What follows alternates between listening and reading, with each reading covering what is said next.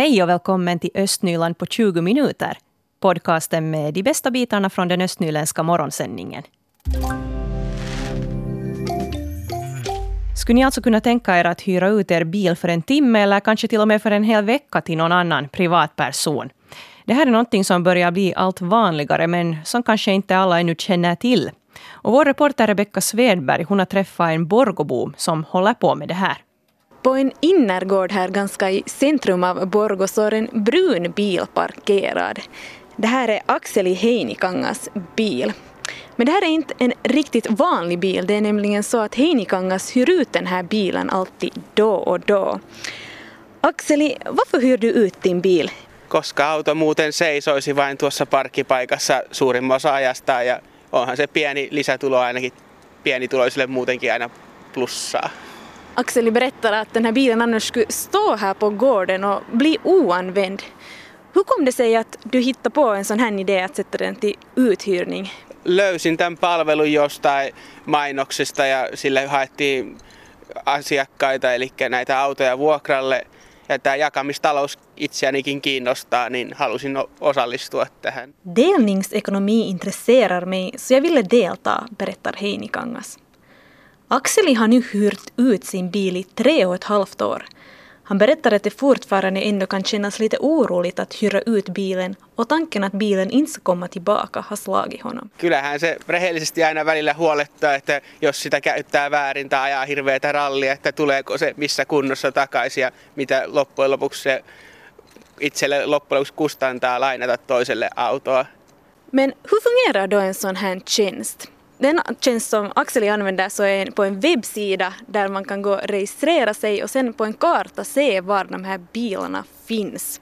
Tuskin tästä kukaan pääsee rikastumaan, mutta aina se on semmoista lisäansiota, kun auto kuitenkin joka päivä maksetaan verot ja muut vakuutukset per päivä, että kyllä se plussaa tuo aina siihen. Axel berättar att man inte blir rik på att hyra ut sin bil, men att det ändå är ett extra klirr i kassan. För tillfället känner han ingen annan som hyr ut sin bil i regionen. Han vill ändå rekommendera tjänsten till de som inte använder sin bil så ofta. Palvelu sopii niille, jotka harkitsevat, että ei välttämättä oma auto on niin hyvässä käytössä, että siitä saisi pientä lisätuloa ja sitten myös niille lainaajille, että se on aika helppo rekisteröityä siihen palveluun ja aika huoleton laina, kun vertaa kalliimpiin autovuokraamoihin. Men hur vanligt är det egentligen att privatpersoner hyr ut sina bilar? Och vad händer om någonting går snett? För att få svar på de här frågorna så ringde jag upp Paul Nyberg som jobbar på ett företag som låter privatpersoner hyra ut sina bilar. Ja, nu har tjänsten vuxit markant. Det håller hela tiden på att bli vanligare. Men att, att nu är det ju fortfarande största delen av befolkningen som inte ens vet att det finns en, en tjänst var privatpersoner kan hyra ut sin bil. Hur vanligt är det här då i, i Östnyland? No, det är nog ganska ovanligt. Nu, nu är det fortfarande räknas i några tiotals användare. Känner du till då hur många bilar det finns här som man kan hyra ut? No, en handfull. Jag tittar just att, att det är glest i östra Nyland. Varför ska man hyra ut sin egen bil? Vad finns det för fördelar med det?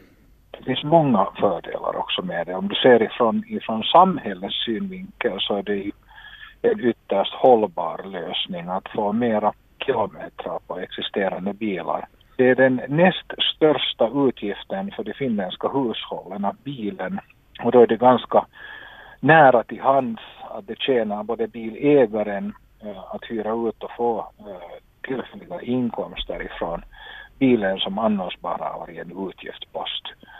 Och för användare igen så leder det till att man får billigare hyresbilar närmare till hands på ett lättare vis än traditionell biluthyrning. Och det sa Paul Nyberg som jobbar på ett företag som låter privatpersoner hyra ut sina bilar. Och Nyberg berättar att det än så länge inte har försvunnit en enda bil och att olycksfrekvensen också har varit mycket liten bland användarna. Och det var Rebecka Svedberg som var reporter här. Här för en stund sedan så hörde vi en Borgobo som berättade att han har valt att hyra ut sin bil att användas också av andra. Och det här kan ju vara en bra lösning för den som då inte varje dag behöver använda den egna bilen och för en person som inte vill köpa en egen bil. Och förstås är det här ju också en lösning som kan vara bra med tanke på miljön. Och nu ska vi fortsätta tala om nya lösningar för hur man kan ta sig fram mer miljövänligt. Jag har Annika Weckman här i studion. Hon är projektchef vid utvecklingsbolaget på Sintra. Och där funderar man hela tiden på nya miljövänliga lösningar. God morgon och välkommen Annika. Tack så mycket, god morgon. Hur ser du på den här lösningen som vi hörde om här i morse, att hyra ut sin egen bil att användas också av andra? Jag tror att det där kommer att bli vanligare i framtiden. Och jag tror att vi blir färre och färre som har egna bilar. Så det här är bara ett steg i rätt riktning, tycker jag. Mm. Och inom på Sintra som sagt så funderar ni mycket på de här grejerna och hur man ska få företag att utveckla nya tjänster som gör att folk kan leva miljövänligt. Man kan ju inte göra, göra det om det inte finns alternativ. Vad kan du berätta om de här senaste grejerna som ni funderar på? No, det viktigaste är ju kanske just det som du sa, att ge människorna alternativ. Att medvetet kunna göra val. Och sen välja de valen som känns mest miljövänliga eller mest ekologiska. Och då har vi i somras till exempel, någonting som fick stor uppmärksamhet också i media, var den här sherrybussen som vi försökte med. Det, var liksom, det fanns en efterfrågan på produkten och många ville åka tillsammans. Och många ville åka buss istället för att komma med egen bil ut i skärgården. Och det experimentet mottogs med öppna armar och var lyckat. Mm, det var alltså den här bussen som åkte ner till Pellinge? Ja. Ja. Har ni något liknande projekt nu som ni planerar här framöver eftersom det här var lyckat? Jo, sen har vi också uh, på Sintra är med i ett stort uh, landsomfattande projekt där man försöker utveckla dronflygningar som ett alternativ.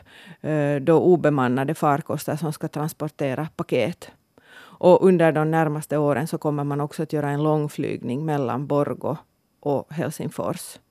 Och det är ju jätteintressanta områden för här finns skyddsområden på vägen. Och det är inte bara så där att flyga sådana här långa resor. Men det är sånt som kommer att komma i framtiden och då vill vi vara med och uh, följa med den där utvecklingen. Mm. Och har ni också då funderat på obemannade farkoster som inte flyger utan rör sig på, på vägarna? Eh, sådana här bilar som laddas under eh, tiden medan den kör till exempel. Sådana saker har vi diskuterat men inte, det finns ännu inget projekt som skulle direkt ha med obemannade farkoster på vägarna. Nej. Ja. Nu, hur stort är intresse bland företag här i regionen när det gäller just sådana drönartjänster till exempel? Det är eh, intressant och vi hade förra veckan hade vi Lovisa en um, resultatsmedia som, där tema var webbhandel. Och där kom det också fram det att det finns uh, transportbolag som använder dronflygningar som ett alternativ i framtiden. Så det, det är mycket intressant. Och vi ska fortsätta tala här med Annika Weckman som är projektchef inom utvecklingsbolaget på Sintra och vi har ju talat då här om nya miljövänliga lösningar som man jobbar med, olika projekt. Och du nämnde här, Annika, att antalet bilar kommer att minska. Men du sa också här under pausen när vi lyssnade på låten att det finns många alternativ här i regionen när det gäller just bränslen till exempel. Jo. Eh, när det gäller gasbilar så har Posintra varit med och gjort en... Eh, det finns en sida på internet där du kan hitta information om gasbilar i vår region och var du kan tanka bilarna till exempel. Och sen har det, så fick, kan man ju köpa elbilar här i regionen och sen dessutom så finns det majdiesel. Så det betyder att vi har alternativ för bilismen också, att göra den lite mer ekologisk. Ja, och det finns ett stort intresse bland företag då att byta ut sina bilar till mer, mer miljövänligare alternativ.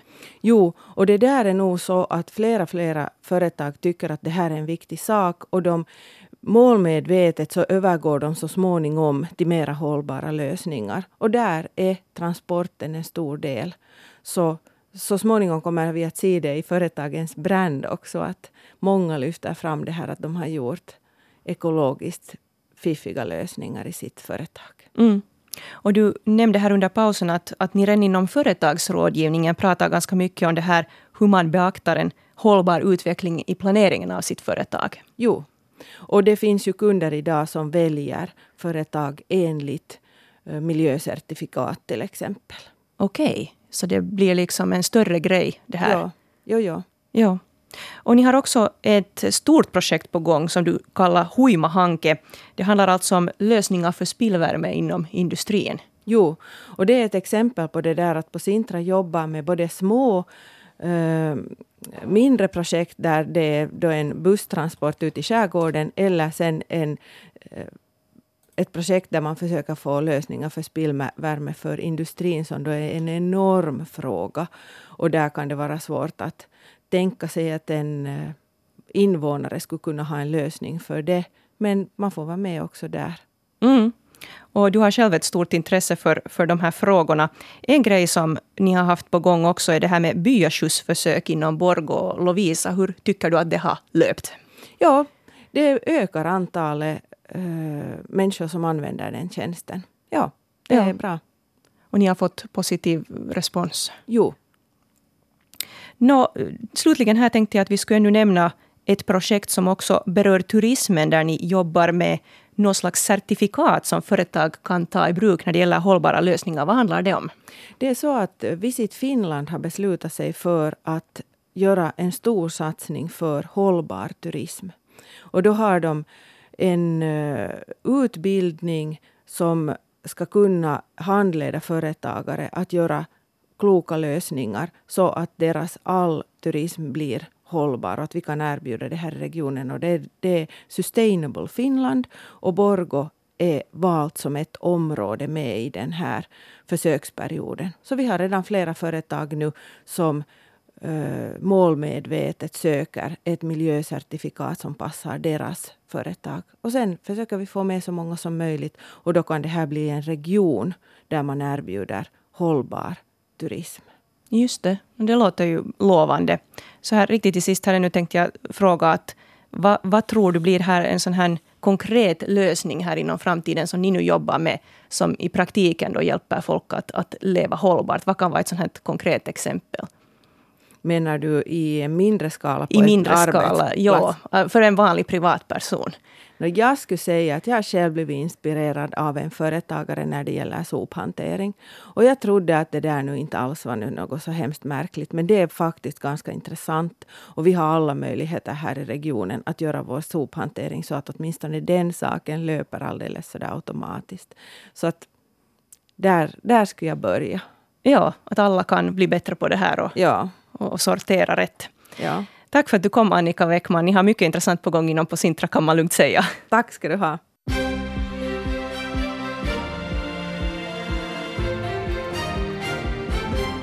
Klockan är halv nio, nu nyheterna från regionen Östnyland med Stefan Härus. God morgon.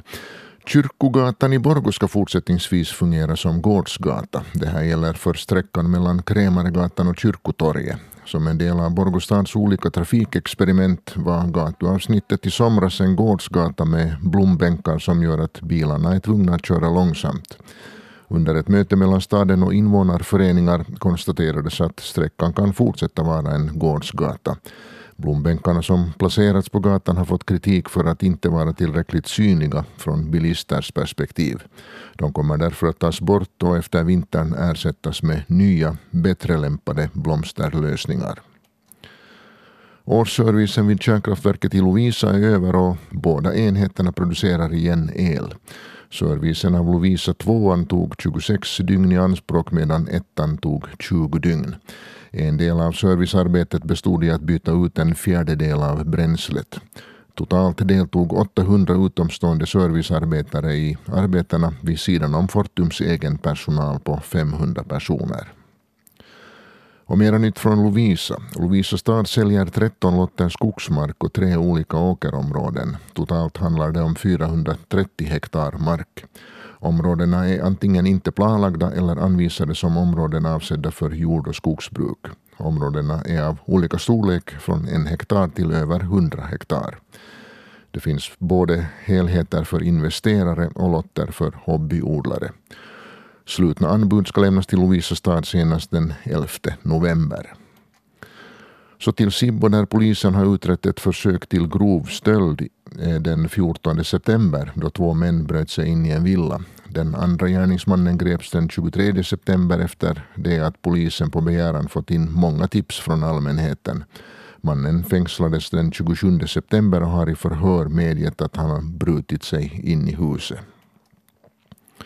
Och en sportnyhet. Borgo Akilleslöparen Sara Kuivisto löpte sitt personbästa på 1500 meter under VM-tävlingarna i Doha igår. Men det räckte inte till placering. Hennes tid var 11 hundradelar bättre än hennes tidigare personliga rekord. Kuivisto sprang in på en sista plats i sitt heat. För att komma med bland hitets sex bästa som avancerade direkt skulle det ha krävts en drygt fyra sekunder snabbare tid för Borgolöparen. Vi har tidigare talat om att Lovisa stad står inför sparkrav och det här i miljonklassen eftersom staden ser ut att gå 10 miljoner på minus i år. Och ett förslag har varit att lägga ner byskolorna i Pärn och kyrkoby, Haddom och Teutjärvi och också daghemmen i Kuggom och Pärnu kyrkoby. Nämnden för fostran och bildning godkände inte det här förslaget men frågan kan ännu dyka upp på nytt i samband med att stadsstyrelsen och fullmäktige i Lovisa ska behandla budgeten. En del föräldrar undrar nu hur mycket man på riktigt kan spara på att lägga ner byskolor då stan har ett så enormt sparkrav. Fredrika Sundén har tittat närmare på det här och är nu med här i studion. God morgon. God morgon, god morgon. Ja, det var alltså så att jag blev kontaktad av en eh, förälder som eh, ställde just den här frågan. Att är det nu faktiskt så att man sparar så där jättemycket på att lägga ner byskolor där i Lovisa? För att som sagt så går staden 10 miljoner på minus i år. Och där när Nämnden för fostran och bildning eh, behandlade det här förra veckan så ehm, stod det att man skulle spara en klumpsumma på 410 000 euro nästa år. Och det skulle ha inkluderat också det här med att lägga ner byskolor och sen en del andra åtgärder. Så det låter ju inte som en sådär jätte, jättestor summa med, med tanke på då hur stora de här sparkraven är. Uh, jag ringde upp eh, Jonna Hintaniemi från SFP som är ordförande för nämnden för fostran och bildning då igår. Hur är det, har ni fått se liksom siffror på att hur mycket man per skola skulle spara in på, på nedläggningar? Ja, det, det har vi inom nämnden fått se. Är det några sådana siffror som man kan få ut? Jag tror inte eftersom som det där, eh, det, jag förstod så att det är inte på det sättet att vi får inte ge ut dem. Det Jonna Hintaniemi också sa var att eh, om vi vill ha de här siffrorna så borde vi kolla det med utbildningschef Timo Tenonen eller ekonomiplanerare Siv Mårtens. Eh, det som jag också frågade henne var att om nämnden har fått information om vilka följder de här skolstängningarna kan få för till exempel pedagogik och sånt. För att den här mamman jag blev kontaktad av undrar också att har man faktiskt utrett alla följder? Och Jonna sa där att eh, nej, att det är bara siffror de har fått se i det här skedet. De har inte fått se några andra utredningar. Um, då ringde jag också upp eh, utbildningschef Timo Tenhonen och frågade om det här och, och bad honom berätta att har man nu faktiskt uh, gjort några pedagogiska utredningar också här eller, eller är det siffrorna som talar i det här skedet? Nej, alltså vi har inte gjort någon utredning och, och, och nu vill jag dessutom framföra att det här är ju inte en skolnätsutredning som, som det är frågan om utan, utan av oss har innebärt möjligheter att, att minska på utgifter och då har vi de möjligheter vi har. Så det, det är de här förslagen som, som egentligen redan framkom i skolnätsutredningen. Så några pedagogiska sådana här utredningar har vi inte, utan snarare är en grund för, för budgetuppgörelsen, det här. Så att sådär kort sagt så är det siffrorna som gäller i det här skedet? Och, och... Uh, ja, för vår tolkning, eller min tolkning egentligen, det är att även, även om man i fullmäktige beslutar om att man gör en inbesparing som motsvarar det här vårt förslag så bör man ändå göra en skilt beslut sen ännu för skolindragningar plus ännu hörande tillfällen. Och, och till dem för vi ju fram sen också då de här pedagogiska och, och, och alla de konsekvenserna som kan innebära för, för de här barnen och familjerna som, som det gäller bara nu för att klargöra att jag förstår dig rätt, det vill säga bara det att man i samband med budgeten beslutar att man kanske ska kunna spara genom att lägga ner de här skolorna och daghemmen, så betyder inte att de nödvändigtvis läggs ner ännu. Att det ska fattas skilda beslut ännu sen. Det ska fattas skilda beslut, men, men eh, om man nu sen ser, ser då krasst på verkligheten så, så nu, nu är det ju ganska långt då fastslaget då redan, men de skilda besluten säger att det bör det bör göras hör, ha hörande tillfällen alltid när det gäller skolindragningar. Eh, det som Timo Tenhonen sa här också var att eh, man har inte ändå gått helt tomhänt in i den här budgetberedningen i nämnden, utan han har till exempel diskuterat de här pedagogiska fördelarna med större enheter tillsammans med rektorerna i skolorna. Och den främsta fördelen anser man då att det är starkare enheter med fler kollegor på samma ställe. Och sen sa han att man också skulle få mera kringservice i de här större skolorna och på det sättet kan trygga sånt som elevvård och morgon och eftermiddagsverksamhet och sen förskola på de här områdena det handlar om. Östnyland på 20 minuter är en Svenska Yle-podcast. Det finns flera poddar på arenan. Jag heter Katarina Lind. Tack så mycket för sällskapet. Vi hörs.